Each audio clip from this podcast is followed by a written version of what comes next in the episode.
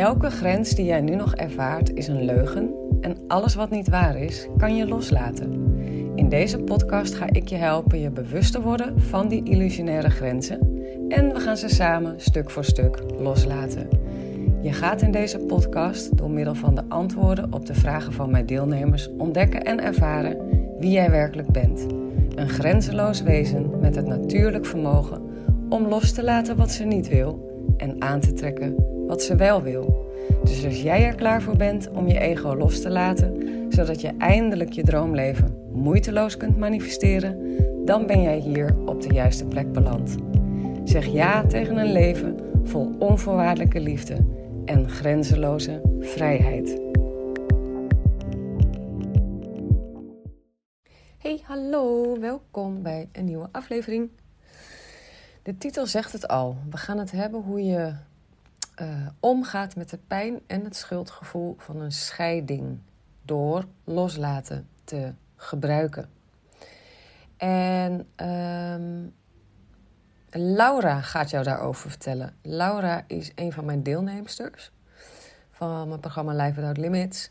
En zij appte me een paar maanden geleden en zei: Je moet echt vrouwen gaan laten weten hoe belangrijk je programma is voor degene die door een scheiding gaan, Arazine. En ik dacht: Oké, wauw. Dus we hadden even contact en ik was zo onder de indruk van haar verhaal, van haar kracht, van haar wijsheid ook. En haar, ja, ik was heel geïnspireerd door haar en geraakt ook door, door dat gesprek. Dat ik aan haar heb gevraagd of ze in de podcast wil komen vertellen over haar reis door de scheiding. Uh, omdat ik gewoon heel erg voelde van die heeft echt heel veel waardevols te delen met vrouwen die inderdaad door scheiding gaan. Um, dus dat is echt onze intentie met deze aflevering om jou. En misschien is het niet eens een scheiding, maar een andere situatie die heel veel pijn en schuldgevoelens triggeren. Um, om jou dan te helpen van wat je mag gaan loslaten en hoe je dat doet. Om je natuurlijke kracht en wijsheid te bevrijden eigenlijk. En vanuit die plek te gaan reageren op die situatie. Want als je vanuit die plek komt en je vanuit die plek verhoudt tot de mensen die betrokken zijn bij de situatie, kinderen of, uh, of ex of, of wie dan ook, um, dan niet alleen laat zo'n situatie veel minder sporen na, als in trauma, um, maar je gaat eigenlijk die hele situatie ook naar je hand zetten. Je gaat eigenlijk je manifestatiekracht daardoor uh, gebruiken om de dingen te laten lopen hoe je het wil. Um, dus, dus eigenlijk legt ze um, ja, toch wel een sleutel in je handen om, uh, om die, die, die, um, je natuurlijke kracht en wijsheid te bevrijden. Ja, dat is wel een beetje hoe ik hem zou concluderen. En uh, nou, waar ze dus in eerste instantie over vertelt, is, is dat diepe, diepe schuldgevoel. Omdat ze het gevoel had dat zij degene was die dat huwelijk stopzette. En daarmee dus drie of vier levens verwoestte. Zo voelde ze het. Dus ze heeft dat een intense schuldgevoel gehad. Uh, nou, ze vertelt hoe ze dat heeft losgelaten. En wat de impact daarvan is geweest op de situatie zelf. Uh, ze vertelt ook hoe het loslaten invloed heeft gehad op het gedrag van haar ex. Dat het gedrag van haar ex verzachtte, dat haar eigen gedrag, natuurlijk ook verzachtte. Ze vertelt ook uh, wat ze heeft moeten loslaten om uh, ja, uit de staat van zijn van stress over geld te komen en in een staat van zijn van overvloed terecht te komen. En die overvloed mindset heeft er vervolgens voor gezorgd dat ze een huis heeft kunnen manifesteren op een hele mooie manier. Met superveel synchronicity. En ook tegenslag trouwens, dat vertelt ze dan ook. Ze is bloed eerlijk. Dus het is een heel mooie aflevering geworden waar je superveel uit gaat halen. Of je nou in een scheiding ligt of een andere hele intense situatie uh, te pakken hebt. Uh, ik denk dat die, uh, dat die waardevol voor je is. Ik probeer in ieder geval elke keer door te vragen bij Laura van hoe heb je dat gedaan? En weet je wel, om te zorgen dat, dat het echt voor jou een waardevolle aflevering is. Wat ik even als kleine extra context wil geven. Laura en ik kennen elkaar al een paar jaar, omdat onze zoons vroeger eh, bevriend waren met elkaar. Dus ik weet, ik heb iets meer informatie over haar. En wat ik gewoon heel interessant vind om te delen, is, is dat zij een paar maanden voor de scheiding een hele goed betaalde, hoge functie binnen de overheid heeft ingeruild voor haar passie. En dat was voor de klas staan. Dus ze is de PABO gaan doen en ze is voor de klas gaan staan op een basisschool hier in Den Haag. En ze heeft dus een heel hoog salaris ingeruild voor een veel lager salaris. Wat natuurlijk het financiële verhaal in die hele scheiding nog intenser voor haar maakte. En nog meer angsten in haar triggeren. Nou, daar vertelt ze dus over. En ik vond dat toch wel even ehm, goed voor jou om te weten dat ja, het, het getuigt van een waanzinnige moed, vind ik. En ik vind het mega inspirerend ook dat, ze, dat zij die stap heeft gezet. Um, en het legt misschien ook iets beter uit waar haar uh, waanzinnige geldstress vandaan kwam. Of in ieder geval waardoor dat in deze mate er was. Nou, kennen jij en ik natuurlijk, tenminste, ja, ik ken ook geldstress. Ik weet hoe bizar groot de angst rondom geld kan zijn. Um, maar goed, ik vond het gewoon een. een uh, ja, het, het zegt ook gewoon wat over Laura, vind je niet? Dat ze de moed heeft gehad om dat te doen. Om echt haar passie te volgen. Vet inspirerend. Misschien laat even weten of je het interessant vindt om, uh, om, om haar daar een keer over te horen. Hoe ze tot dat besluit is gekomen. En uh, heeft gedurfd om zo'n hoog inkomen op te geven voor haar passie. Als je dat interessant vindt, moet je me dat gewoon even laten weten. Mij lijkt het in ieder geval heel boeiend. Ik weet nu al dat ze daar weer vet mooie dingen over te zeggen heeft. Wat voor jou en mij super waardevol is. Anyway, ik ga stoppen met kletsen en jou lekker laten luisteren naar een hele mooie aflevering. Uh, geniet ervan. Dikke kus.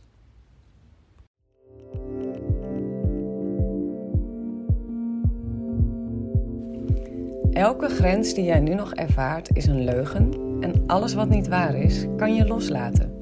In deze podcast ga ik je helpen je bewust te worden van die illusionaire grenzen en we gaan ze samen stuk voor stuk loslaten.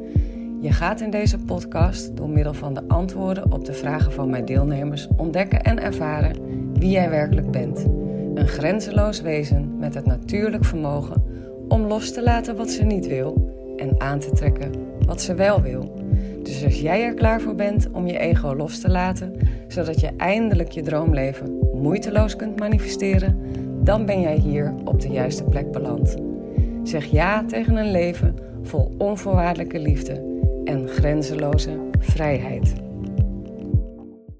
Hoe is het met je? Ja, heel erg goed. Echt. Ja, ik appte je natuurlijk vorige week al echt. Ik zweer het, ik zag jou lopen. Ja. Ik moest gewoon kijken of jij het was.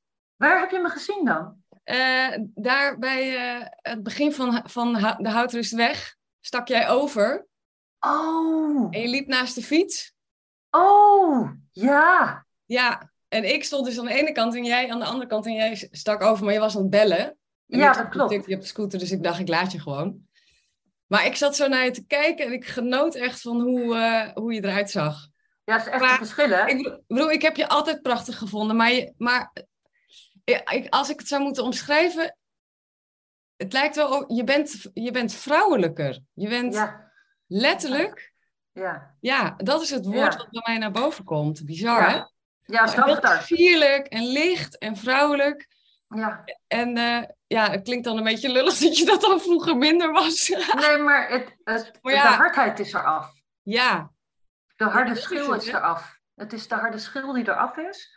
Het overleven misschien. Ja, en ook, ik laat nu, eh, dat komt ook door mijn nieuwe werk met die kids. Want Ja. ik word gewoon elke dag eh, gewoon geknuffeld.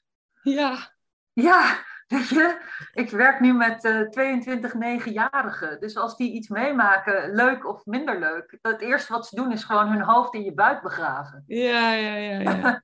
hey, jij had het, ehm, wij kennen elkaar al best wel lang. Ja, heel lang. Ik zat nog terug te kijken naar een app die jij mij een keer stuurde, waar ik zo teringhard om gelachen heb. Toen, toen omschreef jij ons vanuit die tijd Ja. Jij was dit of dat en ik was dat of dat. Maar ik, je had zulke grappige woorden, maar ik kon hem niet meer terugvinden. Ik heb daar heel hard iets over een walrus en dan weet ik veel wat. Ja, ja maar dat was... Eh, wil je dat ik het vertel? Ik weet het namelijk nog.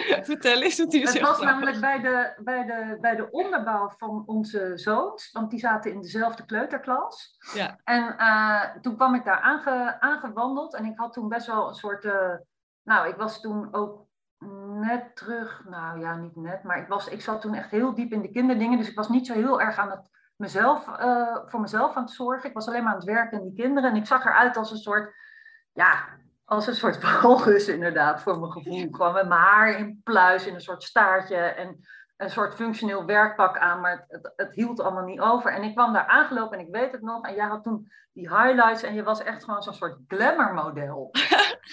dat weet ik nog. En ik vond je gewoon best wel een beetje eng. dat weet ik ook nog. En, maar onze zoons die vonden elkaar leuk. Ja, dus, dus wij moesten gingen, wel. Dus die gingen met elkaar spelen. En, um, en toen weet ik nog, toen kwam ik Joachim ophalen. Die had, uh, die had bij, bij Micha gespeeld. En toen raakten we aan de praten over wat jij voor werk deed. En jij deed toen uh, de uh, kleding, stylisten voor kleding. Ja. En toen zei je van, ja, ja, ik doe dat voor werk. En toen zei ik, en toen zei ik, ja, ik vind dat heel moeilijk. En toen zei je tegen mij, dat zie ik. toen dacht ik, oké. Okay. En ik herinner me dat ik toen tegen je gezegd heb van, nou ja, weet je, als je het beter weet, kom me dan maar helpen. Want ja. ik weet het echt niet. Nee. En dat was eigenlijk het begin van... Dat was het begin van onze ja. relatie. nou, maar die, die openheid, denk ik, uh, dat jij gewoon als een van de weinigen tegen mij zei, dat zie ik. Uh, dat is denk ik wat ik altijd heel erg aan jou uh, gewaardeerd heb en nog steeds waardeer. Weet je, dat jij bent heel direct. Ja. Nu ook in de, in de academie, denk ik. Ja. In, de, in de lessen die je ons geeft. Ja, en, dat, en in die academie is dat nog wel een proces geweest. En daarom wilde ik hem ook opnieuw maken. Het programma natuurlijk waar jij nu in zit, is, is eigenlijk 2.0. En omdat ik gewoon merkte dat ik nog steeds ja. helemaal eerlijk was. Dus zelfs ja. ik uh, had daar nog moeite mee om echt, echt eerlijk te zijn. Maar en, en trouwens, de laatste tijd komt het woord eerlijk weer bij mij naar boven. Dus ik mag, ik voel de uitnodiging om nog eerlijker te zijn. Ja. ja. Maar uh, ik ga even af en toe kijken naar mijn uh, ja. papiertje. Want anders wordt het zo'n uh, zo'n ja. weergezwenk. Want ik wil het heel graag met jou ergens over hebben. Um, Oké, okay, dus dat begon dus toen. Nou, toen heb ik, heb ik je geholpen met je garderobe. Ik heb je ex nog geholpen met, je met zijn garderobe. En je huis. Het huis heb ik gedaan. Ja. Maar goed, toen, toen eigenlijk was ik toen al best wel ziek hoor. En toen werd ik nog zieker en zieker en zieker. En stopte eigenlijk alles. En toen hebben wij elkaar ook een tijdje even niet meer gezien. Ja. En toen kreeg ik op een dag een app van jou. Toen hadden we elkaar denk ik echt uh, drie, vier jaar of zo niet meer gezien of gesproken. Oh nee, wacht, eerst, eerst, wat er eerst gebeurde, was dat ik in mijn zieke jaren Abraham Hicks ontdekte. Precies, en die heb je mij aangeraden. En die heb ik, ben ik jou mee gaan spammen.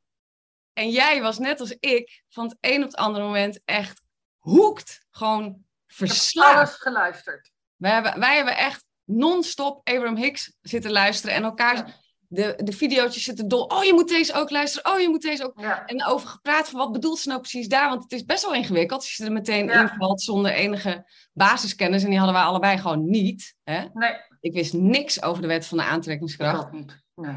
En eh, dus wij zijn echt met z'n tweeën als een malle daarin gedoken. Dus daarin vonden we elkaar ook. Ja, Ik ontdekte toen ook nog eens de Sedona-methode. daar heb je me toen ook op gewezen. Toen ben Ja. ik nog ook naar, eh, naar eh, Maarten Platte geweest. Ja, ja. Dus daar zijn we ook allebei ingedoken. Ja, En, ehm, maar goed, ja ik heb eigenlijk heel veel, heel veel profijt gehad van het feit dat jij al die dingen onderzocht. Want daar ben ik gewoon in meegewandeld. Ja, ik heb heel veel mensen meegesleurd. Ja, En in Ja. dat mees, door dat, in dat meesleuren ontdekte ik op een gegeven moment van... hé, hey, blijkbaar doe ik dat heel graag. En ja, wil ik mensen hierin meesleuren. ja, Waarom maak ik er niet gewoon mijn werk van? Want toen was ik, had ik inmiddels inderdaad met, met door, dat, door die manifestatie... echt letterlijk door de teachings van Abraham Hicks... door de wet van de aantrekkingskracht te gebruiken... heb ik mezelf genezen. Dat is gewoon wat ik gedaan heb. Ja. En, eh, en toen dacht ik, ja, fuck, dit moet iedereen weten. En, en zo is dit bedrijf en dit programma waar je nu in zit precies. geboren. Maar goed, toen zijn we elkaar een tijdje uit het oog verloren. Waarschijnlijk, oh ja, die kinderen, weet ik veel, die gingen uit elkaar. Dus wij gingen uit elkaar. Maar toen stuurde je mij op een gegeven moment een app van ik ben weg bij Maarten. Ja. ja. En dan was natuurlijk fucking heftig dat je in die scheiding terechtkwam. En daar wilde ik het eigenlijk ook echt met je over hebben in deze aflevering. Ja, zeker. Um, ik heb jou toen een audio gestuurd, een release. Ik weet nog, ik weet niet meer helemaal precies hoe het ging, maar ik weet nog dat ik dacht, en dat denk ik namelijk altijd, ja, we kunnen lullen wat we willen, maar jij moet gewoon gaan loslaten. Ja. Ja, je hebt niks aan mij, jij moet gaan loslaten. Dus ik heb jou die audio gestuurd en jij bent gaan loslaten. Zeker, ja. En ik ben gewoon heel benieuwd, kan je ons eens meenemen van wat, heeft, wat, wat laat je nou eigenlijk precies los als je in zo'n situatie terechtkomt? Ik kan me namelijk voorstellen van mensen die niks weten over loslaten, ja, wat laat je los dan? Oké, ja, daar kan, daar kan ik wel echt iets over vertellen. Ehm, dus ik ben bij jou op de lijn gekomen, inderdaad, toen ik tegen, tegen Maarten had gezegd van ik wil niet meer. Ja. En dat is heel heftig, want dan, ja, dan, is er, dan ben je degene die eigenlijk zegt tegen je man en je kinderen, ik wil niet meer. Ik blaas nu. Hè? Dus het eerste wat ik heb moeten loslaten en waar ik heel erg hard heb moeten werken, en dat was niet meteen, dat was niet in de eerste release, daar heb ik lang over gedaan, is het enorme schuldgevoel dat, ik degene ben die het leven van drie mensen mega ingrijpend verandert. Door te zeggen, ik trek het niet meer. Ja. Zonder dat er eigenlijk een concrete aanleiding was. Ja. Dus het was niet heel. Het, het, was, er was niet een concrete aanleiding om de een op de andere dag te zeggen: het gaat niet meer. Anders dan dat het iets was wat opgebouwd was. En dat schuldgevoel, dat is het eerste waar ik heel veel op heb gereleased. Van, Ik voel me zo schuldig. Ik heb me zo schuldig gevoeld. En dat schuldgevoel, ik ben heel blij dat ik daarop kon releasen. Want als je met een schuldgevoel. Want je, weet je, je hebt bij een scheiding het moment dat je tegen iemand zegt van ik wil niet meer.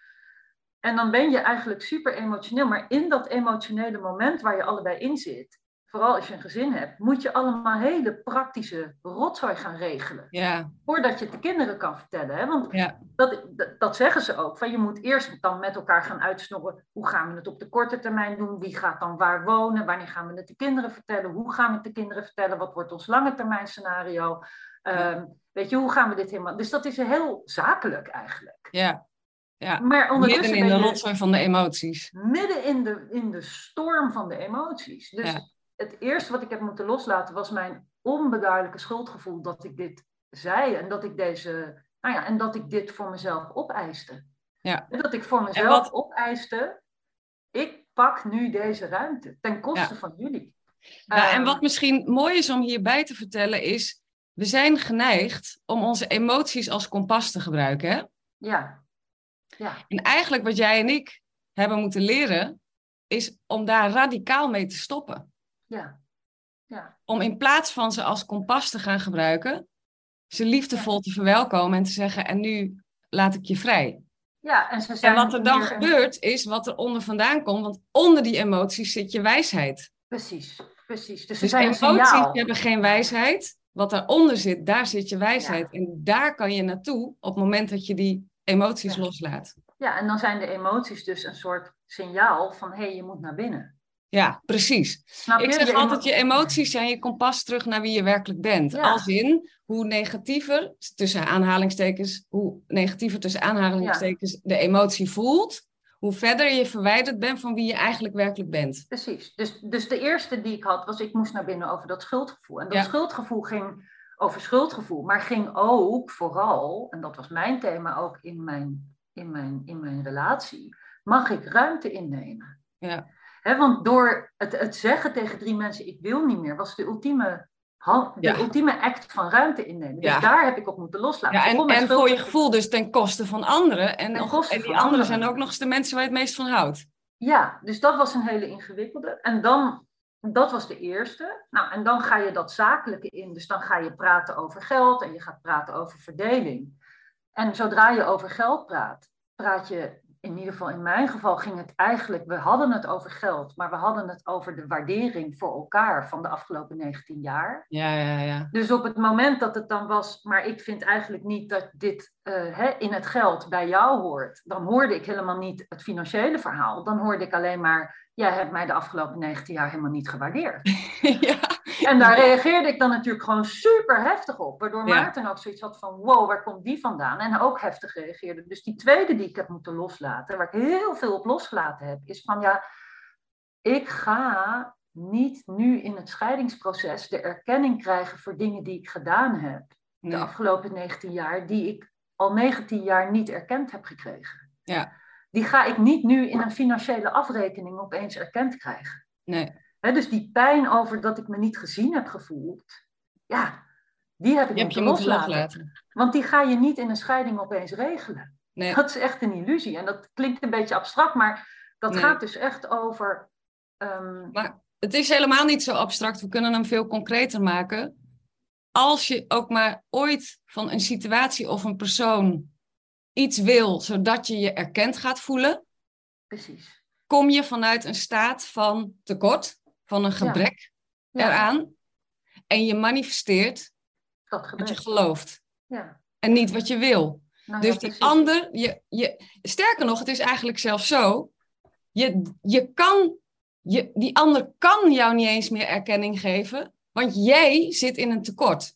Dus wat die ander ook maar doet, het, jij gaat het niet voelen, want je zit in een tekort en je trekt aan waar je in zit. Nou ja, precies. En dat is dan dus in zo'n gelddiscussie natuurlijk heel ingewikkeld. Want je denkt, hè, dus ik had op een gegeven moment, uh, dus daar heb ik heel veel moeten loslaten, zodat we weer met elkaar het over geld konden hebben op de manier waarop we het over geld moesten hebben. Ja, vanuit wijsheid. Vanuit, vanuit wijsheid en vanuit, uh, uh, vanuit samen en ons gezamenlijke doel. Hè? Dus dat, dat, en toen, nou ja, en dan ga je weer verder in zo'n scheiding. En, want je, je gaat een beetje een tunnel in met z'n tweeën. Je gaat steeds meer de boel ontwarren. En dan kom je natuurlijk ook op nou ja, dus dan kom je ook op. Uh, uh, Maarten kreeg uh, al vrij snel een, een andere relatie waar ik heel blij mee was voor hem. Maar wat natuurlijk bij mij ook super confronterend was over. Jeetje, weet je, ik zag hoe blij hij was en wat hij voor die andere relatie allemaal deed. Ja, en niet voor jou had gedaan. Nou ja, ik denk, waar, waarvan ik dacht, mijn perceptie was, dat heeft hij nooit voor mij gedaan. En ook die heb ik heel hard moeten loslaten. Ja, ja, ja. Want als je die toelaat, van jeetje, weet je, dit doet hij wel voor haar, maar niet voor mij. Ja, dan ben je weer, zit je in een tekort. Maar dat vind ik dus zo knap van jou, want je zegt nu wel echt iets heel relevants. Jij, je, je, op dat moment vond je dat wel echt, dat hij haar meer gaf dan wat hij jou ooit had gegeven. En, toch ben je bereid geweest om dat verhaal, ja. wat concreet was volgens jou, wat echt waar was volgens jou, ja. ondanks dat het echt waar was, heb je besloten en toch laat ik het los. Ja, maar dat was ook echt heel pijnlijk. Ja. En dat was ook niet vanzelf. Daar heb ik ook weer heel veel. Hè, jij zegt dat ook altijd in je releases: van soms moet je het drie keer doen. Ja, ik heb ook gemerkt. Dus de ingewikkelde dingen, die heb ik nooit in één release. Dan draaide ik dezelfde release gewoon drie, vier keer achter elkaar. Ging ja. lopen op het strand. En soms een paar dagen achter elkaar en soms zelfs een paar weken. En soms heb je zelf dat na een jaar. Ja. Hetzelfde het thema in een nieuw jasje bij je terugkomt en denkt... Huh, ik dacht dat ik jou had losgelaten. Oké, okay, dan gaan we weer. Ja, want het, de essentie van het dus blij zijn voor hem in zijn nieuwe relatie is super cruciaal. Ja. Uh, voor, voor, voor ons, vooral voor ons samen zijn als ouders van onze kinderen. Want weet je, ik, wat ik echt niet wilde, was een loyaliteitsconflict bij mijn kinderen. Maar dat kon alleen maar op het moment dat ik zijn nieuwe relatie ook kon omarmen, zodat mijn kinderen dat ook konden doen. Ja. En dat was voor mij weer zo'n drijfveer om te zeggen: oké, dit doet fucking veel zeer. Het liefst Weet je, zeg ik uh, verschrikkelijk en ik word er helemaal gek van en ik trek dit niet. Maar ik dacht, ja, maar ik wil echt voor mijn kinderen dat wij dit kunnen. Ja. ja. En toen ben ik dus weer door die pijn heen gezakt. Ja, en, en wat, wat misschien mooi is uh, voor, voor de mensen die luisteren, is: uh, ik, ik zeg ook altijd: je laat niet los op basis van of iets wel of niet waar is. Want het voelt altijd waar. Het is, ja, Want we zijn mega geïdentificeerd met de stem in ons hoofd. Ja. En dus dat is gewoon zo. Maar ook dat geven we natuurlijk de ruimte, die identificatie. Maar je laat los, je laat niet los op basis van of het waar is. Je laat los op basis van hoe het voelt. Precies, precies. En je kan zelfs nog een stapje verder gaan. Dat, dat heb ik in het begin veel moeten doen. Als ik dit blijf vasthouden, wat blijf ik dan manifesteren? Precies, precies. En dan Ja. dacht ik altijd, oh ja, kut, dan blijf ik meer van deze ellende manifesteren. Oké, ik laat het Ja. los. Weet je Ja. wel? Nou ja, maar dat is wat ik bedoel met de drijfveer. Dat ik dacht, als ik niet iets ga Precies. doen, dan zit ik alleen maar giftig en jaloers naar die relatie te kijken. En dat doet iets met mijn kinderen. Ja. En dat wil ik niet. Dus toen dacht ik, oké, maar als ik dat niet wil, dan moet ik nu stoppen. Ja, En dan moet ik dit gaan loslaten op een Ja. manier. En de eerste keer dat ik jouw stem dan weer draaide, dacht ik, ja, leuk, leuk, leuk, maar dat kan ik niet. ja, Want ik vind het gewoon fucking onrechtvaardig en niet oké. En de tweede keer dacht ik, oh ja, maar wacht, ik kan hem wel loslaten. ja. ja. En de derde keer ging het weer makkelijker. En nu kan ik oprecht gewoon heel blij voor ze zijn. En sterker nog, ja, weet je, ik ben heel blij dat hij deze relatie heeft. Want ik vind het een hele leuke vrouw. Ja, ah, fijn En- joh. En als ik dan zeg, weet je, mijn kinderen gaan dus tijd met haar besteden. Denk ik, ja, als ik nou had mogen kiezen wie de nieuwe relatie van mijn ex zou worden, had ik haar gekozen. Wauw. Ja, weet je? Want Ik krijg echt kippenvel van. ja, Ik vind het echt knap van je hoor. Want als ik me even verplaats in die situatie. Oeh. Ja, maar hij is ook echt, het is echt heel heftig, weet je. Het, het zat bijvoorbeeld in, en dat snap ik, want je bent net een nieuwe relatie met z'n tweeën. Maar ik vind het bijvoorbeeld heel leuk om, ik vond het heel leuk om dingen met Maarten te doen. Maar wij deden heel weinig meer met elkaar. Ja, het was een Ja. beetje gewoon gedoe gekomen. Ja. En toen had hij net een relatie met haar. En toen ging hij weer naar eh, schrijversfestival zo, toneelstuk dit, eh, Ja. film dat. Weet je, allemaal van die dingen die wij vroeger deden met elkaar Ja. Ging die met haar doen. En dat deed zo'n Oh. zeer. Dat deed Oh. zo'n zeer. Oh ja, die kan ik Ja, echt voelen. Dat gevoel kan ik echt weer oproepen. Hoe afgewezen ik me heb gevoeld. Ja. Ik dacht, jeetje, je wilde het niet meer met mij doen. Ach, gosh. En je doet het ja. nu wel met haar. Ja. Maar toen dacht ik ook, ja, maar weet je... eh, en toen ik losgelaten had, kon ik zien van, ja, wij konden dat niet meer aan elkaar geven. Nee. Snap je? Dus het was goed dat het klaar was. Want we konden dat niet meer aan elkaar geven. En hoe fijn is het dat hij dat nu weer heeft. Ja. Ja. En, eh, maar daar heb ik wel eerst voor moeten loslaten. Ja. Ja. Heb jij Eh, ook niet echt vaak, ik heb dat nog steeds bijna dagelijks, dat ik echt denk, dit is oprecht, dat ik echt denk, een leven zonder deze methode, zonder het loslaten, ik kan het me werkelijk niet voorstellen. Ja, nou, dat heb ik ook. Dat heb ik ook. Gewoon ja. Echt de. Om even echt krachttermen te gebruiken, je kent me, dat doe ik, dat doe ik vrij snel, maar ik meen het echt. Dat is echt de hel. Dat is, Ja, ja, ja. toch? Nou ja, Ik bedoel, als je, als je kijkt naar zo'n scheiding, ik, vind het, ik vond dit echt. En jij zei zelf, toen, ik weet nog dat jij tegen mij zei: Oh, je moet echt, echt vrouwen gaan vertellen hoe dat loslaten je scheiding kan, hoe je je in je scheiding kan helpen. En daarom daar, zei ik: Nou, kom dat Ja. zelf maar vertellen. Maar Ja. dat is het mooie van loslaten. Niet alleen manifesteer je kan je veel makkelijker daardoor manifesteren. Kunnen we het misschien zo ook nog over hebben. Maar wat, wat je nu vooral ziet is, je hebt het voor elkaar gekregen om jezelf heel mooi te dragen door Ja. een heel zwaar proces. Zeker. Ja, die scheiding, dat was gewoon zo. En dat het kut was, dat is gewoon zo. En dat het zwaar is geweest voor de kind. Weet je, da- daar, daar verandert op zich, de concrete situatie verandert niks aan. Nee. Maar hoe jij er doorheen bent gegaan, Ja. Ja. daar verandert wel iets aan. En daarmee heb je waarschijnlijk ook heel veel eh, randvoorwaarden veel makkelijker gemaakt. En, en is het sneller gegaan en soepeler gegaan. Ja, en ook met je over wilde hebben. Want ik ken Maarten natuurlijk ook. Ja. En eh, zonder naar hem uit te halen. Want ik ken jullie allebei, laat ik zeggen. Ik ken jullie allebei. En de combinatie van jullie twee. En de tegenstrijdigheden die jullie in je hadden of hebben. Weet ik niet of dat. Want ik heb Maarten al lang niet meer gesproken. eh, was best wel een recept voor echt de hel. Ja. Ja. Gewoon, eerlijk. Voor echt Ja. een vechtscheiding. Voor echt een kutscheiding. En ik ben gewoon even heel benieuwd. En je hebt me daar namelijk al het een en ander over verteld. Wat voor mensen denk ik heel leuk is om, om van jou te horen is... Hoe heeft het releasen invloed op het gedrag van de ander? Gewoon letterlijk Ehm, hoe die ander met jou omgaat. Nou, daar wil ik wel iets over zeggen. Ik wil wel op voorhand zeggen dat ik wel met, in die zin met Maarten heel veel geluk heb gehad dat hij wel vrij eh, hij, kan, hij, is wel vrij, hij is wel vrij reflectief. Dus hij ging snel mee hè, in wat ik Ja. deed.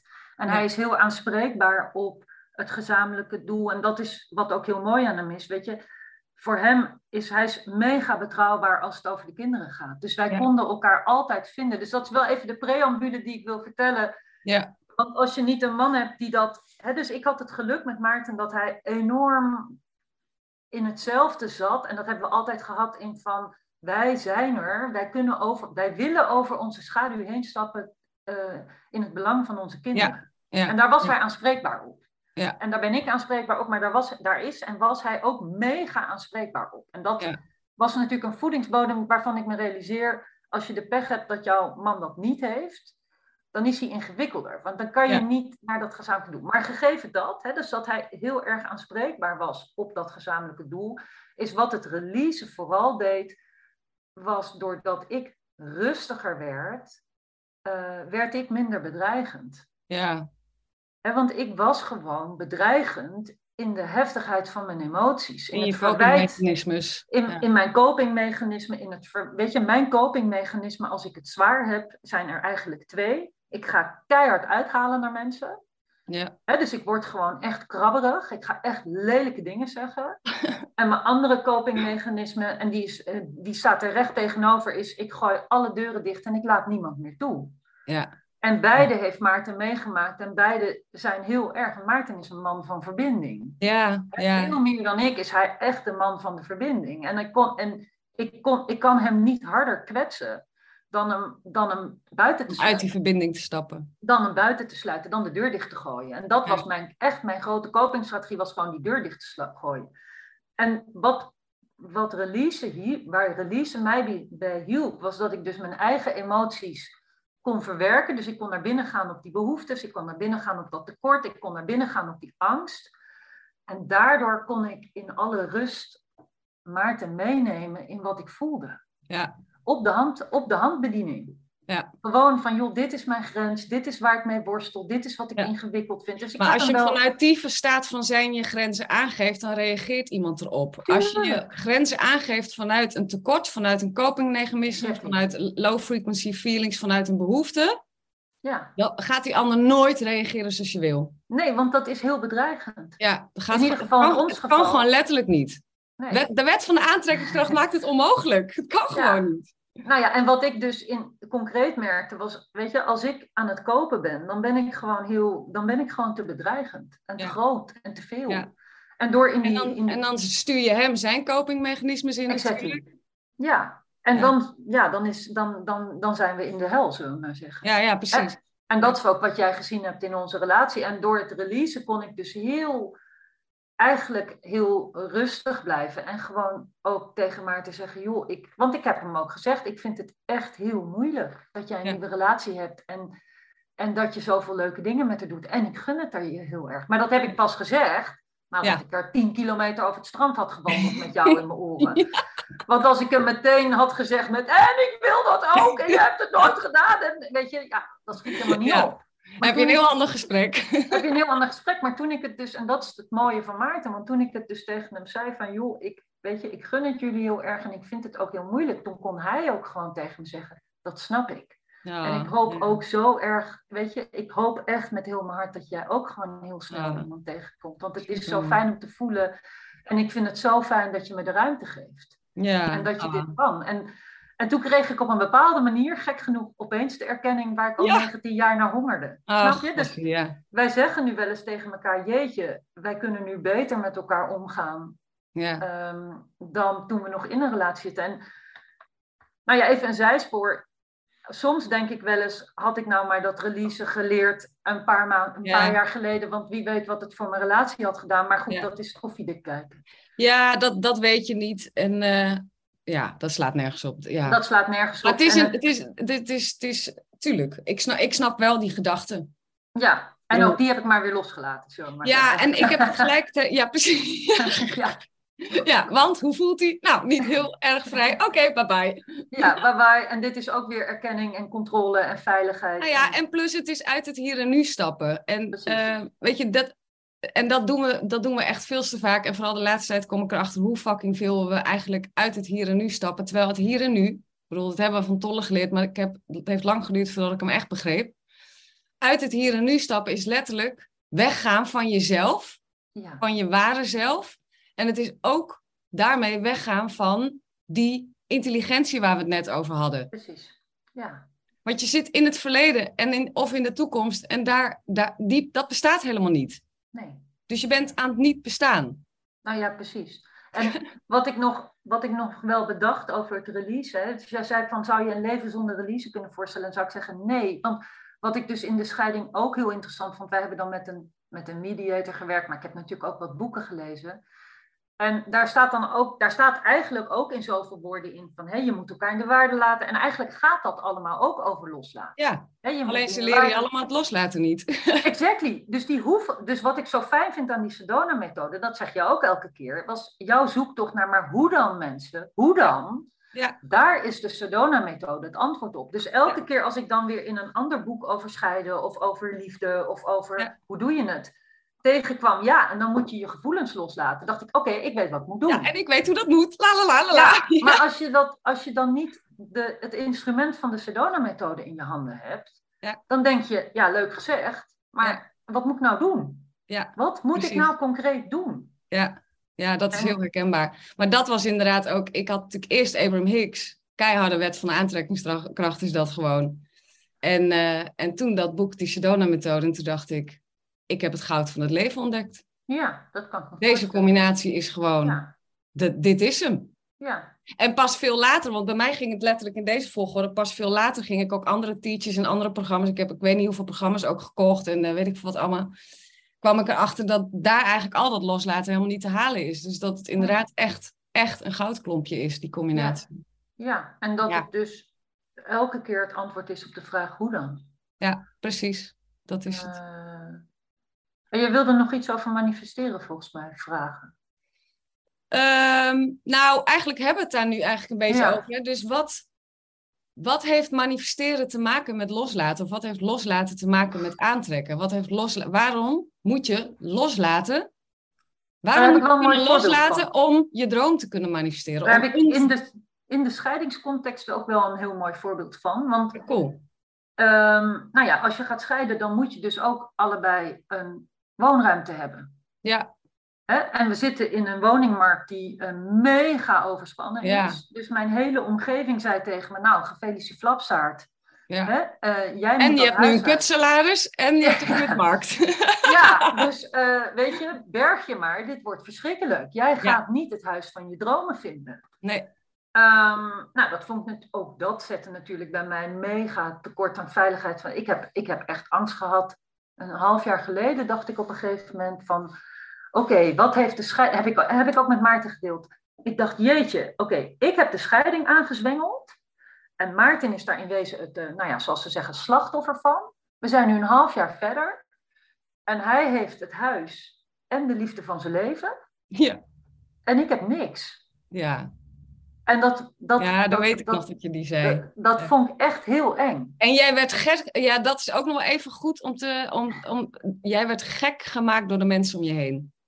Nou ja, eh, niet door iedereen, maar wel door, door, door de goedbedoelende, niet zozeer mijn, mijn, mijn echte close friends, maar heel veel mensen die dan over de scheiding hoorden, die maakten zich eh, zorgen over, over wo- wonen, over huisvesting. Over het wonen, ja. Ja, dus Ja. Dat, was, dat, dat, dat is wel waar ik iets over wil vertellen. Mensen, jeetje, weet je, hoe ga je dat doen? En hoe ga je dat vinden? Nou, en toen heb ik hem, eh, toen ben ik, uiteindelijk ben ik, ben ik ook dat gaan loslaten van, maar wat heb ik nou eigenlijk? Dus ik ben eerst gaan loslaten op die angst. Angst voor, ik ga niks vinden. Toen ben ik gaan kijken, oké, wat heb ik eigenlijk nodig om met, de, met mijn twee kinderen gewoon goed te kunnen wonen? Nou, dat was dus weer een, een eerste manifestatie.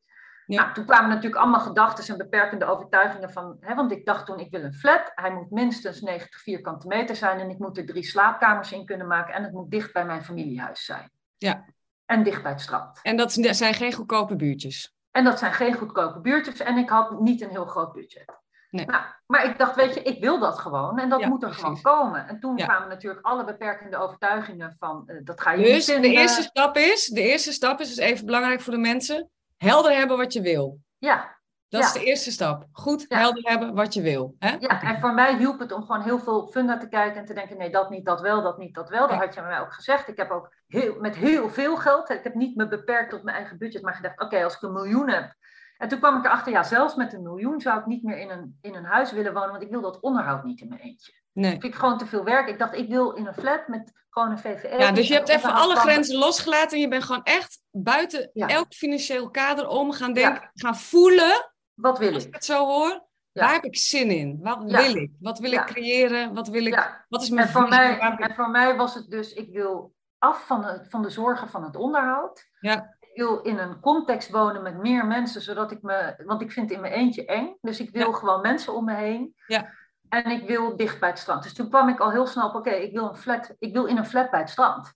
Ja. Dat was een soort het plaatje. Ja. Dat weet je, wat heb ik je toen verteld. Ja. Nou, toen kwamen alle beperkende overtuigingen langs. Van uh, dat kan je niet betalen, dat is er niet. Dat, uh, nou, die heb ik allemaal uh, losgelaten. Heel ja, dus dat is de tweede stap. Je gaat je bewust worden van elke elke gedachte en gevoel wat niet in lijn is met ja. datgene wat je wil. En dan ga je gewoon lekker lopen loslaten. Ja, ja dus daar ging ik dan weer van, oké, weet je, ik ben bang dat ik niet... Want het was ook weer allemaal angst. Ik ben bang ja, het is altijd allemaal angst. Ja, ik ben bang dat het er niet is. Ik ben bang dat ik het niet kan betalen. Ik ben bang dat ik iets heel moois vind en dan heb ik toch net niet genoeg geld. Nou, dat, die al... En die kwamen gewoon in een soort uh, ja, uh, bezoek, kwamen die continu langs. Uh, continu bezoek. En dan was het, nou, welkom, maar nu ga je toch maar weer even weg. En toen kreeg ik op een gegeven moment, toen ik dat een tijdje gedaan had, toen kreeg ik een soort grondgevoel van vertrouwen. Toen was er nog niks. En dat noem jij volgens mij altijd de bol.com bestelling. Dat vond ik altijd een heel fijn beeld. Toen dacht ik, oh, ik heb gewoon een Aresina bol.com bestelling gedaan. Weet je, ik heb al op dat knopje geduwd. Ik heb die flat besteld. Ja. En hij zit nu ergens in dat distributiecentrum. Hij is er nog niet. Ja, dat is, de, dat is de staat van zijn waar je het zo goed en kwaad als je kan eigenlijk op wil komen. Dat je verlangen gaat voelen als een bestelling bij het universum. Zoals je een boek bestelt bij Bol. Je hebt hem nog niet, maar je weet gewoon dat hij komt. Dus er is en geen weerstand dat het er niet is, want ja, je weet dat het komt. En er is geen attachment meer. Het moet er per se zijn, want anders ben ik niet gelukkig. Want het is onderweg. Precies. En, die, en dat beeld van jou, van die bol.com, hielp heel erg. Ja, ja die, die helpt mij ook altijd. Ja, dat vind ik gewoon een heel fijn idee. Dus op een gegeven moment, en dat was, nou ja, zo'n beetje in, zo'n beetje vier, vijf maanden geleden. Dat ik echt in zo'n staat kwam van, en dan zeiden mensen ook, ja, maar hoe gaat het met huis? Ja, ik weet gewoon dat het goed komt. Ja. Het, het komt er gewoon aan. Dat huis is, er en dat, het is onderweg. Het komt eraan. En toen had ik één huis wat ik zag, wat ik heel leuk vond. Maar toen hadden we, hadden we nog niet onze scheiding helemaal geregeld. Dus ik kon nog niks. Toen dacht ik, oh, dit is hem. Het pakketje is geleverd, maar ik kan hem niet aannemen. Toen kreeg ik daar natuurlijk weer kramp over. En dan ik naar Maarten van, jij bent niet snel genoeg. En heb ik weer moeten loslaten. Want ik dacht, dit is mijn pakketje, maar het gaat nu naar de buren. Dat is niet Want het werd natuurlijk verkocht. En dat was, in, dat, was in een, dat, dat was echt de flat die ik wilde hebben. Dat dacht ik op dat moment. Die had aan de achterkant één balkonnetje, alleen bij de slaapkamer, niet bij de woonkamer. Maar ik dacht, dit is mijn flat. Nou, die ging dus voorbij, want ik had op dat moment geen geld en ik kon niet bieden. En toen kwam, uh, nadat we uh, eruit waren met z'n tweeën, echt twee dagen later, ging ik uh, oriënterend kijken. En toen kwam er eenzelfde flat, echt dezelfde flat als de flat die ik had gezien. Maar dan met ook nog een balkon bij de woonkamer erbij. Ja, lachen hè? Met, dus een extra balkon. Dus eigenlijk de mooiere versie van de flat die ik had gezien. Ja. En toen dacht ik, ja, maar dit is hem. Ja. Dit is mijn flat. En toen wist ik het gewoon echt 100% zeker. Nou, en toen ben ik gaan bieden. En toen gingen, er kwamen natuurlijk ook allemaal overtuigingen van... nou, het kan niet zijn dat mijn eerste bod... of mijn eerste huis waar ik op bied een wordt. Hè? Dus hoe twisted ben je dan? Want dan ben ik dus al vier maanden bezig met loslaten en manifesteren. En dan nog op het moment zelf denk ik, ja, het kan niet de bedoeling zijn dat... Gaat het ego weer wat proberen? Ja, nou, ook weer losgelaten. En toen, en toen werd ik inderdaad gebeld van, nou, je hebt hem dus gekregen. Dus ik heb in drie weken tijd dat huis gefixt. Hè? dus ik heb 11 augustus het voor het eerst gezien en 26 augustus had ik het. Ja, te gek. Dus gewoon op een bizarre timeline. Ja. En ik heb vier huizen gezien, geloof ik. Ja. Ja, in deze eh, markt met jouw gewoon, ja, het is gewoon echt een heel mooi verhaal. Ja. Hoe, wat er gebeurt als je jezelf op de juiste frequentie van die bol.com bestelling tilt. Dan gaat het gewoon gebeuren. Ja, zijn de wetten van de natuur. en toen had ik hem. Ja. En toen heb ik s'avonds ook nog in paniek allemaal mensen lopen bellen met... Ik weet niet of dit het goede is! Was het weer het ego wat er overheen kwam? Van, jeetje, wat heb je gedaan? En straks is het toch het verkeerde besluit. Dan heb je je intuïtie gevolgd, maar is dat wel je intuïtie? toen kreeg ik weer een twijfelaanval. Nou, die heb ik ook losgelaten. En nu denk ik, ja, ik heb echt uh, en, en, nu weet ik van ook als ik een ton meer te besteden had gehad dan wat ik nu heb besteed, dan had ik deze flat gekocht, misschien in een mooiere versie. Ja, precies. Dus, dat is bizar om je te realiseren. Ja, zo inspirerend verhaal. Ja. Echt heel cool. Ja, dat vind ik zelf wel. En wat ik fijn vind ook, wat ik fijn vind, is dat je wel in alle eerlijkheid erbij blijft zeggen. Ik bedoel, ik zeg ook wel eens: aan de ene kant is manifesteren fucking makkelijk, maar aan de andere kant is het ook gewoon heel zwaar. Want al die ego-aanvallen tussendoor, op al die verschillende momenten, die, die blijven er. En ik moet wel zeggen dat in de loop van de jaren die allemaal wat zachter worden. En ook dat je er gewoon beter tegen kan. Dat je sneller het herkent, dat de identificatie groot wordt. Maar nog steeds heb ik ze ook. En moet je dan gewoon die audio in je oren stoppen. En, en, en, je shit oplossen en loslaten en, uh, en alignment zoeken. En ik bedenk me dat ik nog één loslaten moet vertellen eigenlijk wel heel eerlijk, die kwam voordat ik kon manifesteren. Ik heb wel moeten loslaten uh, de droom die ik altijd heb gehad van dat ik in een groot huis zou wonen. Want ik woonde, mijn familiehuis waar ik uitkom, is een heel groot huis, dat weet je. Het is gewoon zo'n groot jaren dertig huis in Den Haag. Ja. En dat was, daar ben ik, ik ben zelf ook in een vergelijkbaar huis opgegroeid. Dus voor mij was dat huis, dat familiehuis, was ja, de manifestatie van mijn droom als kind. Ja. Ik heb een grote mensenhuis met een voortuin en een achtertuin en een kamer en suite en een prachtige parketvloer en iedereen zijn eigen etage en ruimte zat. Het, was twee, het is gewoon echt een heel groot huis. Ja. En het loslaten van het idee, ik, ik ga dus nu op mijn 45ste. Erop achteruit, tussen aanhalingstekens. Erop achteruit. En het is nog maar de vraag of ik ooit nog in zo'n groot huis met een tuin ga wonen.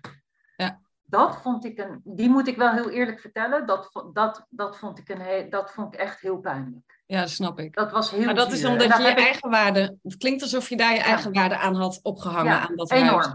Ja, Hè, dus als je het hebt, waar identificeer je je mee? Ik identificeerde me met een mooi groot huis en dat ik daar hoorde en dat dat van mij was. En wat ik ook heel lelijk aan mezelf vond, is dat in dat proces van afscheid nemen van dat beeld, heb ik ook, en daar ben ik echt niet trots op, Maarten best wel wat verweten. Ja. van jij hebt het me nu onmogelijk gemaakt dat ik, jij zorgt ervoor dat ik deze droom moet opgeven. Het is jouw schuld. Het is jouw schuld, omdat ik het gewoon te pijnlijk vond om te moeten toegeven dat het mij niet gelukt was. Ja. Snap je? Want het was zo pijnlijk om die droom te moeten loslaten, dat ik gewoon op zoek was naar iemand de schuld te kunnen geven. Ja. Anders kwam het te dichtbij. Ja. Nou, en dat is Anders had jij gefaald. Omdat je ermee geïdentificeerd was, was het dan dus jouw falen. En dus leggen we het liever bij de ander. Want dan is het, we hebben liever dat de ander de schuld heeft dan dat we zelf falen. Ja, en dat, dat was wel, een, dat was wel, dat was ook wel, hè, dus als je het hebt over die scheiding, dat was ook, uh, hè, dan is dus het, dan was dat ook een van de pijnlijke, pijnlijke momenten waar ik doorheen heb moeten gaan. Klinkt wel, als je zo alles, als ik even alles langsloop uh, van al die lagen die jij hebt moeten ja. loslaten, dat zijn er waarschijnlijk veel meer dan je nu net hebt opgenoemd allemaal. Maar dat dit, dat deze ontzettende, ja, zo'n scheiding is een zwaar, zware, is, is niet iets waar we allemaal uh, op zitten te wachten. Het is gewoon een nare situatie, een onmenselijke situatie. Maar dat het jou echt terug heeft gebracht naar wie je werkelijk bent. Dat het jou eigenlijk, je hebt zo gigantisch veel ego-stukken moeten loslaten. Ja. Ja. Door dit verhaal, door deze situatie, dat je nu vrijer bent dan je ooit bent geweest. Ja, en van dus binnen, hè? Ja, van binnen. En dat, is natuurlijk ook wat ik zag toen ik je zag lopen vorige week. Exactly. Nou, daar wil ik naartoe. Hè? Dus dat jij zegt, jeetje, wat, je zag er veel zachter en vrouwelijker en minder hard uit. Dat is ook hoe ik het ervaar. Ik ervaar ik was heel hard en heel, of heel hard, ik denk dat, ja, ik was wel hard. En ik was ook wel, uh, en nu voelt het omdat ik dat heb, ik voel me veel meer, uh, ja, ik voel me vrijer. Ik voel me Ja. transparanter, ik voel me lichter, Ja, ik voel me zachter. Um, ik durf, en dat is misschien wel het allerbelangrijkste, ik heb in de scheiding ook geleerd om hulp te durven vragen. ja supermooi. En cadeautjes te ontvangen. Dat Ja. heb ik jou ook gezegd. Weet je, ik, eh, ik kon Maar weet je hoe belangrijk het is als je wil, als je wil, man, als je wil leren manifesteren, en dat wil iedereen die in ieder geval hier naar deze podcast zit te luisteren, anders ben je er niet. Dan is een van de eerste dingen die je moet leren, is hulp kunnen Ja. ja, en cadeautjes. Want het universum brengt echt de meeste van jouw ma- manifestaties via andere mensen naar je toe. Ja. Dus als jij dan ondertussen tegen iedereen nee loopt te zeggen en denkt dat je het allemaal per se zelf moet doen, dan zeg je letterlijk nee tegen je eigen manifestaties. Precies. En wat ik ook, eh, precies. Dus het is de hulp, maar het is ook, ik heb in dit jaar van scheiding van gewoon zoveel mensen op alle manieren cadeaus gekregen. Ja, dat ze zeiden, ik, je, mag in, je mag in mijn eh, appartement eh, in de vakantie zitten, want dan hoef je daar niet voor te betalen. En daar heb ik gewoon dankjewel, ja graag tegen Ja, gezegd. En dat was fantastisch. Maar dat heeft ook iets gedaan omdat ik haar toestond om me te helpen. En mensen die zeiden, joh, ik neem jou mee. We gaan eens een keer lekker uit eten, want dat heb je verdiend. En nou, normaal zou ik altijd gezegd hebben, nee, dat wil ik niet. En ik betaal Precies. zelf wel. En nu zei ik, gek ja, hè, dat we dat doen hè? Ja, en het was een hè? fantastische avond. Ja, ja. Ehm, Ik weet nog de eerste keer dat ik daarachter kwam hoe erg ik nee zeg tegen, tegen cadeautjes. ja. Was toen mijn auto was kapot en, die, en ik had 0 euro om dat ding te laten maken. Dus die stond echt al, weet ik veel, drie maanden kapot voor mijn deur. En ik kon er dus ook niet mee rijden. En stond ik met mijn vader samen naar die auto te kijken op, op weet ik veel, op een dag. En hij zit er zo te kijken en zegt, eh, waarom is dat ding nou nog steeds niet gemaakt? Ik zeg, ja, Ja. nee, een beetje eromheen lullen. Want Ja. eigenlijk was ik dan te trots om te zeggen, kan ik gewoon niet betalen. Ja, En toen ja. zei hij, nou, maar goed, mijn vader had dat natuurlijk gewoon door. Die zegt, joh, laat mij dat anders gewoon betalen voor je. Ja. Het zou iets van 13, 1400 euro kosten om hem te weer te laten maken. En het eerste wat ik zei was, nee, dat hoeft niet. En, en hij loopt weg en ik denk, Oh. Rosine, wat doe je? Ja, ja, Wat de fuck doe je? Dat was echt de Ja. eerste keer dat ik me realiseerde hoe ik mijn eigen ja, overvloed en Ja. verlangens gewoon keihard blokkeerde door nee te zeggen tegen elk aanbod van wie dan ook. ja. Maar je zei ook nee. Vanuit dat- pure trots, hè? Vanuit Gewoon. pure trots. Maar wat ik ontdekt heb in het cadeautjes accepteren, in het cadeautjes kunnen ontvangen, is dat je daarmee ook de verbinding met mensen ontvangt. Ja, mega. Snap je? En Ja. als je het dan hebt in zo'n scheiding, wil je gewoon heel graag verbonden zijn met mensen, want je voelt je echt fucking alleen. Ja, En als je dan dus ook tegen mensen zegt, ik wil jouw cadeautjes niet, Ja. dan ga je weer uit verbinding. Dus ik, ik heb het zo waardevol gevonden omdat ik ja kon zeggen tegen allerlei cadeaus. ja, supermooi. Omdat ik me daardoor ook gewoon. En ik vond dat heel eng, want ik, voor mij is een cadeautje accepteren ook een bepaalde vorm van afhankelijkheid. Ja, Eh, en dat is het ook. Maar eigenlijk is het heel fijn om die een- afhankelijkheid toe te staan, snap je? wat Om- is het helemaal? Dit is helemaal geen Of afhankelijkheid. het is verbinding. Het is Eh, gewoon, het is eigenlijk gewoon, we zijn allemaal één. Het, eigenlijk ga je, dat, da- ga je dat pas in, die, in dat toestaan van hulp, ga je, ga je dat daar pas in ervaren. In die, Ja. een, die eenheidservaring ligt hem echt op, op dit punt. Ja, en dat is. En ja, en ik zei dat. eh, ik zei het gisteren ook tegen een heel goed vriendinnetje met wie ik er. De, nou, daar heb ik echt heel veel mee gebeld met een aantal vriendinnen. En daar zei ik ook van: kijk, als er nou iets is wat de scheiding me ook gele- opgeleverd heeft, is dat. Weet je, onze verbinding is weer vier lagen verdiept. Ja, Snap je? Dus ja, het, is niet, het, is, het heeft bij mezelf heel veel gedaan, maar het heeft ook in de relatie met mijn goede vrienden en met mijn familie heeft het Ja. zoveel gedaan. Omdat Ja, ik ook heb toegestaan dat mensen me konden helpen. En dat Ja, zou dus- wel iets zijn wat ik mensen wil zeggen van, weet je, ja, het is, het is heel... Het is heel begrijpelijk als je de neiging hebt om te denken: ik wil geen cadeaus, want ik ben niet zielig. Hè? Want dat zat heel erg in mij. Ik ben niet zielig. Ik kan dit zelf. Ik kan bewijzen dat ik het allemaal kan. Maar je mag ook gewoon zeggen: Ik vind het echt heel fijn dat je me helpt. Want ik vind het super moeilijk en ik voel me Ja. zo kwetsbaar en ik voel me zo alleen. En ik Ja. ben zo blij dat je er bent. ja, ja. En ik hoor al aan mezelf als ik dit zeg, hoe anders Ja. dat klinkt dan Ja. dat andere. Weet je, ik voel gewoon dat het een andere energie is. Ah, het is zo. Het ik, ik, ik, kan, ik kan me niet.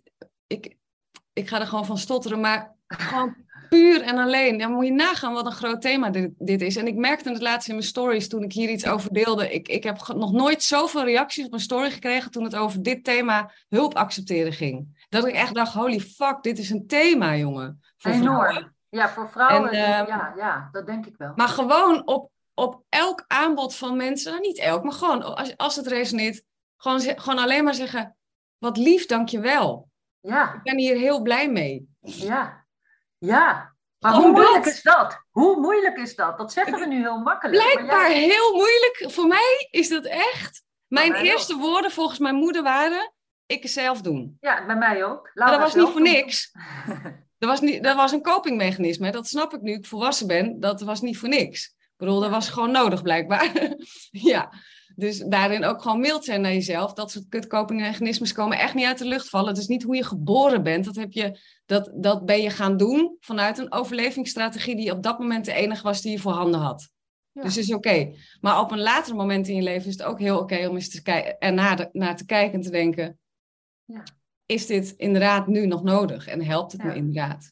En het En antwoord is bijna altijd nee. Ja, en ik vind echt ehm, een van de dingen die misschien de scheiding mij op een persoonlijk niveau echt gebracht heeft, dus los van bevrijding en wel, maar gewoon op een heel diep persoonlijk niveau, is dat ik nu echt mensen durf te vertellen hoe ik me voel.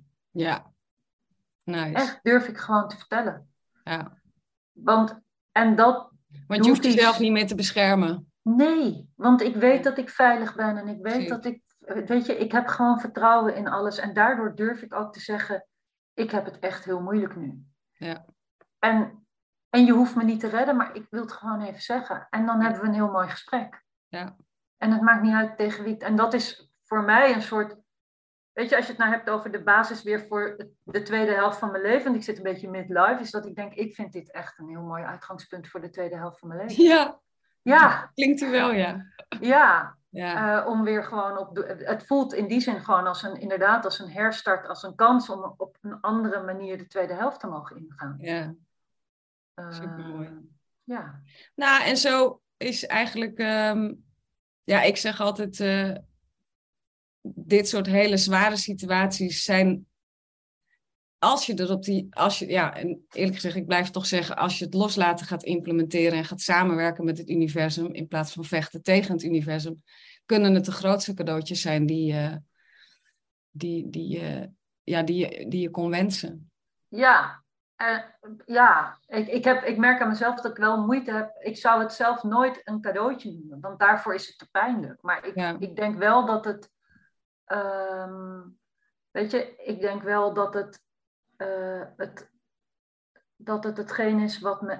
Weet je, dat het heel erg hetgeen is wat, er, wat, ik, wat ik zie dat er nodig was. Ja, precies. En dat me echt iets gebracht heeft. Ja, Maar ik vond het proces echt, weet je, het, ja, Ja. het is een beetje als de bevalling van je kind.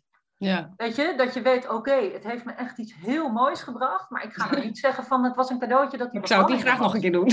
Nee, ik vond dat een vreselijk proces. Maar, en dit, ik vond de scheiding ook echt een vreselijk proces, maar ik zie wel wat het me nu gebracht heeft. Ja. Ja. Eh, en daar ben En ik heb je, maar heb voor. je dan ook niet, want dat, dat heb ik wel met, met de zware dingen die ik heb meegemaakt in mijn leven. Ik, ik, zie het, ik zie het dus, ik kan, maar misschien staat het bij jou nog te dichtbij, maar ik kan naar die dingen inmiddels zelfs mijn ziekte echt wel kijken als, als een gift. Als een, als een, oh, nou misschien is een cadeautje een beetje een stom oppervlakkig woord, maar het is voor mij wel, ik zie het wel echt als, het was voor mij, het, ja voor mij is bijvoorbeeld die ziekte en de dood van mijn zusje was echt een uitnodiging van het universum terug naar huis. Ja, maar die, daar, daar resoneer ik ook op. Ja, oké. Hè, dus de, Ja, een dat- cadeautje de- is gewoon een beetje te, te la te positief. Weet je, Ja. want daarvoor is het, is hetgeen wat Ja. je, voor mij in ieder geval, is hetgeen wat ik meegemaakt heb, gewoon te heftig. Maar ik vind het woord een uitnodiging terug naar huis, dat kan ik heel goed zien. Een uitnodiging terug naar mezelf. Terug ik ben natuurlijk ook heel ziek geweest, dat weet je. Ja. En ook dat was een van die processen, nou hoeven we nu Ja. te hebben, maar dat was ook een uitnodiging terug Ja, was bij jou ook zo. Dat heb ik bij jou ook gezien, ja. ja. En dit, Maar, maar waarom, waarom ik dit even aanstip is om mensen ja, daar zich bewust van te maken van... ehm, als je het voor elkaar krijgt... En eh, mijn programma, de eerste twee modules gaan daar helemaal over. Om je weerstand op wat er gebeurt in je leven los te laten. Dat is het allermoeilijkst. ja. Daarom gaan twee van de zes modules gaan eigenlijk alleen maar daarover. En eigenlijk alles daarna, heel Ja. groot gedeelte ook nog. Hoe laat je die weerstand los? Nou, op allerlei mogelijke manieren eh, heb ik jullie dat, probeer ik jullie dat te leren. Maar als je dat voor elkaar krijgt, ja. dan is alles wat je meemaakt een uitnodiging terug naar huis. Naar, Helemaal naar, eens. naar, naar wie je werkelijk bent. Naar, ja. naar eenheidservaring, naar contact met, met Source, met God, met het, met het universum. Met, en, en dan, en als je, en dat is ook, dan, ehm, dan voelt het ook nooit meer dat het jou wordt aangedaan, dat het jou overkomt. Maar dan is het, dan is het een, een samenspel, een samenspelen, een samen dansen, een samen bewegen, leven, een samen leven met het universum zelf, met het leven zelf. Ja, ja. Ik merk wel dat ik, ik, blij, ik, maar ik ben minder ver dan jij, dus ik, bij mij zit er altijd een stapje tussen dat als er iets rots gebeurt, dan heb ik wel degelijk het gevoel dat ik gewoon, dat het mij overkomt. Ik ook, ik ook. Alleen, is. Tuurlijk, dat heb ik ook. Alleen dan, dan, op het moment dat ik het loslaat, kan ik weer voelen, ja. oh ja, ja. ik ben veilig. Ik, ik want dat, veilig. weet je, de enige reden waarom we ooit iets anders willen dan hoe het nu is, is omdat we of denken dat we dan niet meer veilig zijn, of denken dat we uh, niet meer waardevol zijn, of denken dat er geen, weet je, al die behoeftes waar we het in de academie mee werken. Maar als je die behoeftes kan loslaten, ben je altijd veilig, no matter what. Ja, maar dat precies. Hè? Dus dat is, dus ik, dat, dat deel ik heel erg. Dat je, dat je gewoon, als er iets heel, als er iets rots gebeurt, dat je ook nou, dat je, dan voel ik me wel slachtoffer, maar dan voel ik me heel snel daarna, denk ik, oké, maar ik kan het aan, weet je? en nu gaat het erom, en hoe ga ik er vervolgens mee om? En dan denk ik, oh, maar ik kan dit dragen, want ik heb dit al gedragen, en ik heb dat al gedragen, en ik heb dat al gedragen. Ja. En dat, vind dan... ik ook, dat vind ik ook wel een voordeel van een paar flinke kutdingen meemaken. Je, je, hebt wel gewoon... Ik heb, inmiddels heb ik echt zoiets... Nou, mijn zusje verloren, ik ben ziek geweest. Ik weet niet wat ik nog meer allemaal heb meegemaakt. Nou, uh, ik weet niet... Ja ja, kom maar op, sorry, maar ik, ik sta nog. Ik sta eh, supersterk. Ja. Ik, ik, kan het wel. Het is oké. Ja, en ik kan dit leven aan. Ja, en ik weet ook van, ik weet ook dan, als zich iets voordoet van, dan kan ik ook bij, dan weet ik ook van mezelf, en de volgende, de komende paar weken worden super vervelend. dus net als, een twee, als je je tweede kind kijkt, weet je, oh, die bevalling, dat is even een dingetje. Ja. En dan weet je, ja, ik moet gewoon door die pijn heen. Ja. Maar daarna is het oké. Nou, dat heb ik nu ook als er iets vervelends gebeurt. Dan denk ik, oké, weet je, ik, moet, ik weet wat ik moet doen. Ik moet door die pijn heen. Het is best wel heftig even. Dat ga ik echt niet leuk vinden. En soms verrast het me nog. Ja. Maar ik heb een soort diep, diep grondgevoel van vertrouwen van, maar ik kom er doorheen. Ja. En dat grondgevoel van vertrouwen vind ik de grote winst. Ja, ja dat, dat, is, dat is het. Dat is, dat is het echt. Dat is, is hem. Want dan kan je in de eye of the needle uh, blijven ademhalen. Je bij, in de wijsheid blijven, in het vertrouwen blijven. De juiste keuzes maken, waardoor het en minder zwaar is en je er sneller doorheen gaat. Minder brokstukken achterlaat. ja. En, ja. ja. en, en, en ik vind toch ook, ja, als ik kijk nu naar mijn leven, ja. Ja, ik, ik heb letterlijk wel echt dat ik denk, nou ja. Ik weet niet, ik weet niet of jij dat ook hebt, maar dat, ja, ik, ik kan het allemaal echt wel aan. Ja. Wat, wat ik allemaal kan bedenken, wat er nog zou kunnen gebeuren. I'm not scared. Nee. Nou, ik ben wel scared, maar ik weet wel, oké, ik heb de dingen in handen om te kunnen dealen met de angst. Ja, nou dat is misschien ook wel wat gedachten, Maar ik ben wat minder ver dan jij. Ik vind sommige nee, gedachten maar dat is ook wel wat, eng. Ik vind dat een mooie nuance. Dat, dat vind ik wel mooi. Maar ik ben eigenlijk, dat is, dat is eigenlijk, dat was een van mijn laatste ontdekkingen, dat ik dacht, eigenlijk het enige waar we ooit bang voor zijn, is angst zelf. Ja, ja, ja. Dus als je de angst voor angst loslaat, ben je klaar. Ja, ja, als je de angst, ja, helemaal eens. Ja. Als je weet, oh, als er zich iets voordoet, de angst, ja, ja, eens. Het is, we zijn echt, we zijn, je bent niet bang voor een situatie, je bent bang voor het gevoel. Ja, je, rent weg voor de emotie die het in je triggert. En angst is, is, is mijn minst favoriete emotie. bij mij ook. Dus ik, uh, ik, uh, ik ben daar, daar ben ik de laatste tijd wel echt, uh, ik ben echt angst aan het verwelkomen en, aan, en de vriendjes mee aan het worden. Ik wil gewoon echt af van de angst voor de angst. Dat is mijn huidige thema. Ja, dat snap ik. Nou, die herken ik. ja, en ik ben af en toe nog wel bang voor de angst, maar dan kan ik hem ik inderdaad elke keer wel zeggen: ja. joh, maar ik weet wat ik te doen heb. Precies, ja. ja nee, ik ben er ook nog niet hoor. Nee. nee. ik vind hem nog steeds niet leuk, maar. I'm working on it. Ja. Even kijken hoor. Uh, we zitten echt ruim een uur te kletsen. Volgens mij hebben we echt een super mooi gesprek gehad. Ik vond hem in ieder geval heel inspirerend. En ik vind het super cool dat je dit hebt willen delen. Ik denk echt dat veel mensen sowieso het hele thema liefde is een heel groot thema. En, uh, en nou ja, en, zeker in deze context. Dus um, even kijken. Als, als, zou je, wil je nog een, een laatste advies geven aan mensen? Of een, eh, is er nog iets waarvan je zegt, dat zou ik nog wel tof vinden om te delen? Ehm, ja, misschien is wel. ehm, weet je, ik- misschien is inderdaad, ik zou wel nog willen herhalen van als je dat. Ik zou wel tegen, want ik heb dit van heel veel vrouwen gehoord, dat het schuldgevoel wat je voelt Ah. in een scheiding, Ja, dat dat en heel normaal en logisch is dat je dat voelt. Ja. Want dat hebben we allemaal gevoeld en daar voel je je heel eenzaam in. Schuldgevoel Ja. is een heel eenzaam gevoel. Eh, en dat het dus, je bent niet alleen, want dat hebben we denk ik, elke gescheiden vrouw heeft dat denk ik gevoeld. Ja. Ehm, en het is echt iets wat ik je wil uitnodigen om, eh, om los te laten. ja, Want het is niet jouw schuld als de dingen lopen zoals ze lopen. nee. Daar ben je met het hele systeem helaas met z'n allen mee bezig. Schuld bestaat Eh, helemaal niet, hè? Schuld bestaat niet, maar hij zit Echt zo niet. diep in onze maatschappij. En hij Echt zit ook alleen meer maar ego. op- ja, en hij zit, vind ik, meer op vrouwen geprojecteerd dan op mannen. Ja, Dus, ik dus weet die, die ik schuldvraag in een scheiding. Mannen voelen, ja. Het is Maar in ieder geval, ik denk alleen al dat we het hele schoolsysteem, nou ja, het he- alle systemen Ja, in deze westerse eh, maatschappij ja, dragen schuldgevoel, ja. eh, zorgen voor schuldgevoelens in ons, die En echt denk, gewoon een leugen zijn. ja, en ik denk dat schuldgevoel in de scheiding, als je, als je gaat scheiden en je luistert naar deze podcast en je denkt, ik voel me zo schuldig. Ja, dan wil ik zeggen, ik weet hoe je je voelt. Ja. En, En eh, kom naar de heel gratis veel- challenge, want ik ga je dan helpen schuldgevoel los te laten. Ja, ja, ja, ja. Ja, want Ja. je kan het echt loslaten. ja dat denk ik Je ook. hoeft er geen. ehm, En inderdaad, soms in herhaling. Zeker. Ja. Maar eh, je hoeft daar niet de rest van je leven mee rond te blijven lopen. Hè? Nee, Dat denk ik. eh, dat is echt wat ik wil zeggen. Ja. ik. Ja, ik sluit me daar heel erg bij aan. Oké. Lieve Laura, dank je wel. Yes, Ik geen vind te probleem. gek. Ik ben altijd dankbaar geweest dat je in mijn leven bent geweest. Nou ja, andersom natuurlijk ook. En, Andersom en, toen je besloot om een programma in te stappen, was ik echt vereerd. Want ik kijk altijd met, ja, ik kijk altijd wel een beetje tegen jou op, moet ik heel eerlijk zeggen. Zeker toen je nog je hotshot baan had, waar ik niks van begreep. En ik nog een een of andere stylistje was, die soort van. En ik weet niet, ja, dat vond ik, eh, ik vind het heel cool. Ik ben echt heel blij met jou. En ook dat je dit hebt willen delen. ja. Dank je wel daarvoor.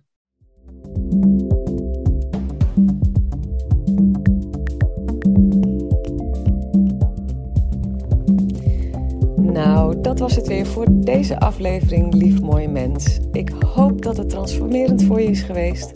Als dat zo is, laat dan een review achter, zodat ik me aangemoedigd blijf voelen om meer moois voor je te maken.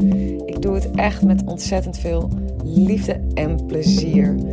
Hey, en als deze aflevering vragen heeft opgeroepen bij je, stuur me dan ook gerust een mail. Dat kan je doen naar hallo.arazina.nl of stuur me een DM op Insta. Ik ben echt gek op vragen. En wie weet ontvang je een persoonlijk antwoord van me of behandel ik jouw vraag in een volgende aflevering. Voor nu wens ik je in ieder geval al je mooiste dromen toe. Vergeet niet, je bent liefde, je bent onvoorwaardelijk geluk, je bent alles waar je naar verlangt. Want je bent een magisch wezen, vrij van elke grens.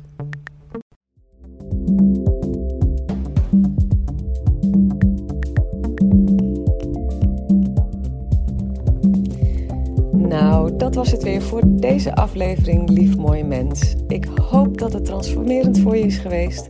Als dat zo is, laat dan een review achter, zodat ik me aangemoedigd blijf voelen om meer moois voor je te maken. Ik doe het echt met ontzettend veel liefde en plezier. Hey, en als deze aflevering vragen heeft opgeroepen bij je, stuur me dan ook gerust een mail. Dat kan je doen naar hallo.arazina.nl of stuur me een DM op Insta arazina.nl. Ik ben echt gek op vragen. En wie weet ontvang je een persoonlijk antwoord van me of behandel ik jouw vraag in een volgende aflevering. Voor nu wens ik je in ieder geval al je mooiste dromen toe. Vergeet niet, je bent liefde, je bent onvoorwaardelijk geluk, je bent alles waar je naar verlangt. Want je bent een magisch wezen, vrij van elke grens.